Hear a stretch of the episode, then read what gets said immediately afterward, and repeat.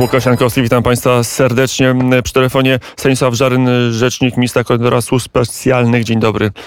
Panie dzień dobry panu, dzień dobry państwu. Mm, w tej chwili mamy obrazki z Kuźnicy, filmy, nagrania. Mm, trwa szturm na polską granicę. Migranci i nie tylko, zdaje się, migranci, także wśród nich funkcjonariusze reżimu Łukaszenki próbują przeżyć się przez zasieki. E, Polska używa nie tylko gazu, nie, nie tylko gazu, ale także armatek wodnych.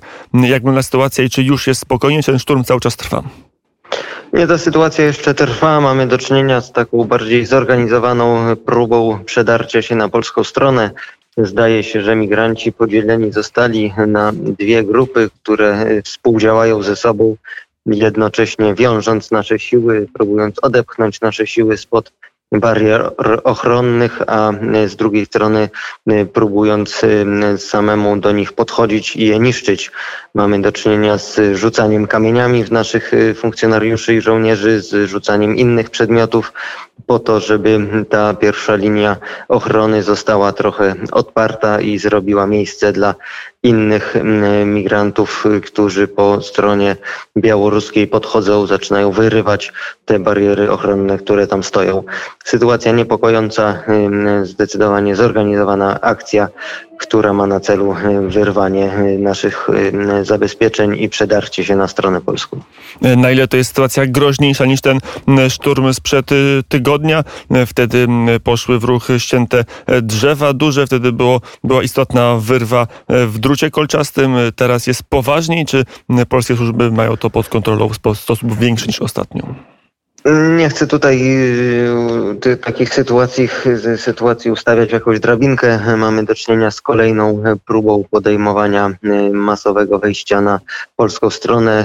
To, co widzimy obecnie na filmikach, również to ewidentne opracowanie jakiejś taktyki, która jest zdaje się spójna po stronie białoruskich, po stronie osób przebywających na Białorusi.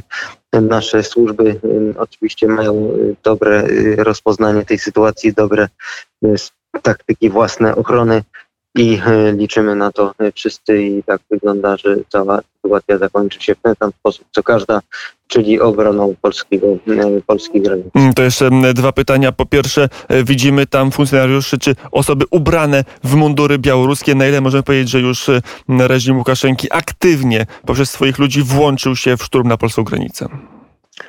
Reżim Łukaszenki od wielu tygodni, e, czy ludzie reżimu włączają się w tego typu prowokacje, czasami bezpośrednio niszcząc zabezpieczenia graniczne, czasami kontrolując takie grupy migrantów, którzy, które są zainteresowane atakami bezpośrednimi na linię graniczną.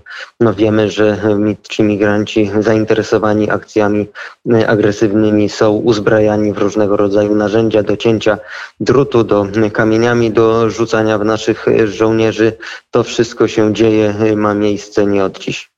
E, I ostatnie e, pytanie o skalę e, także użycia nowych broń, bo tam zdaje się, że nie tylko kamień, nie tylko gaz stawiący, ale także gdzieś były użyte granaty hukowe. Na ile tych broni jest, tych, tych środków ataku jest więcej?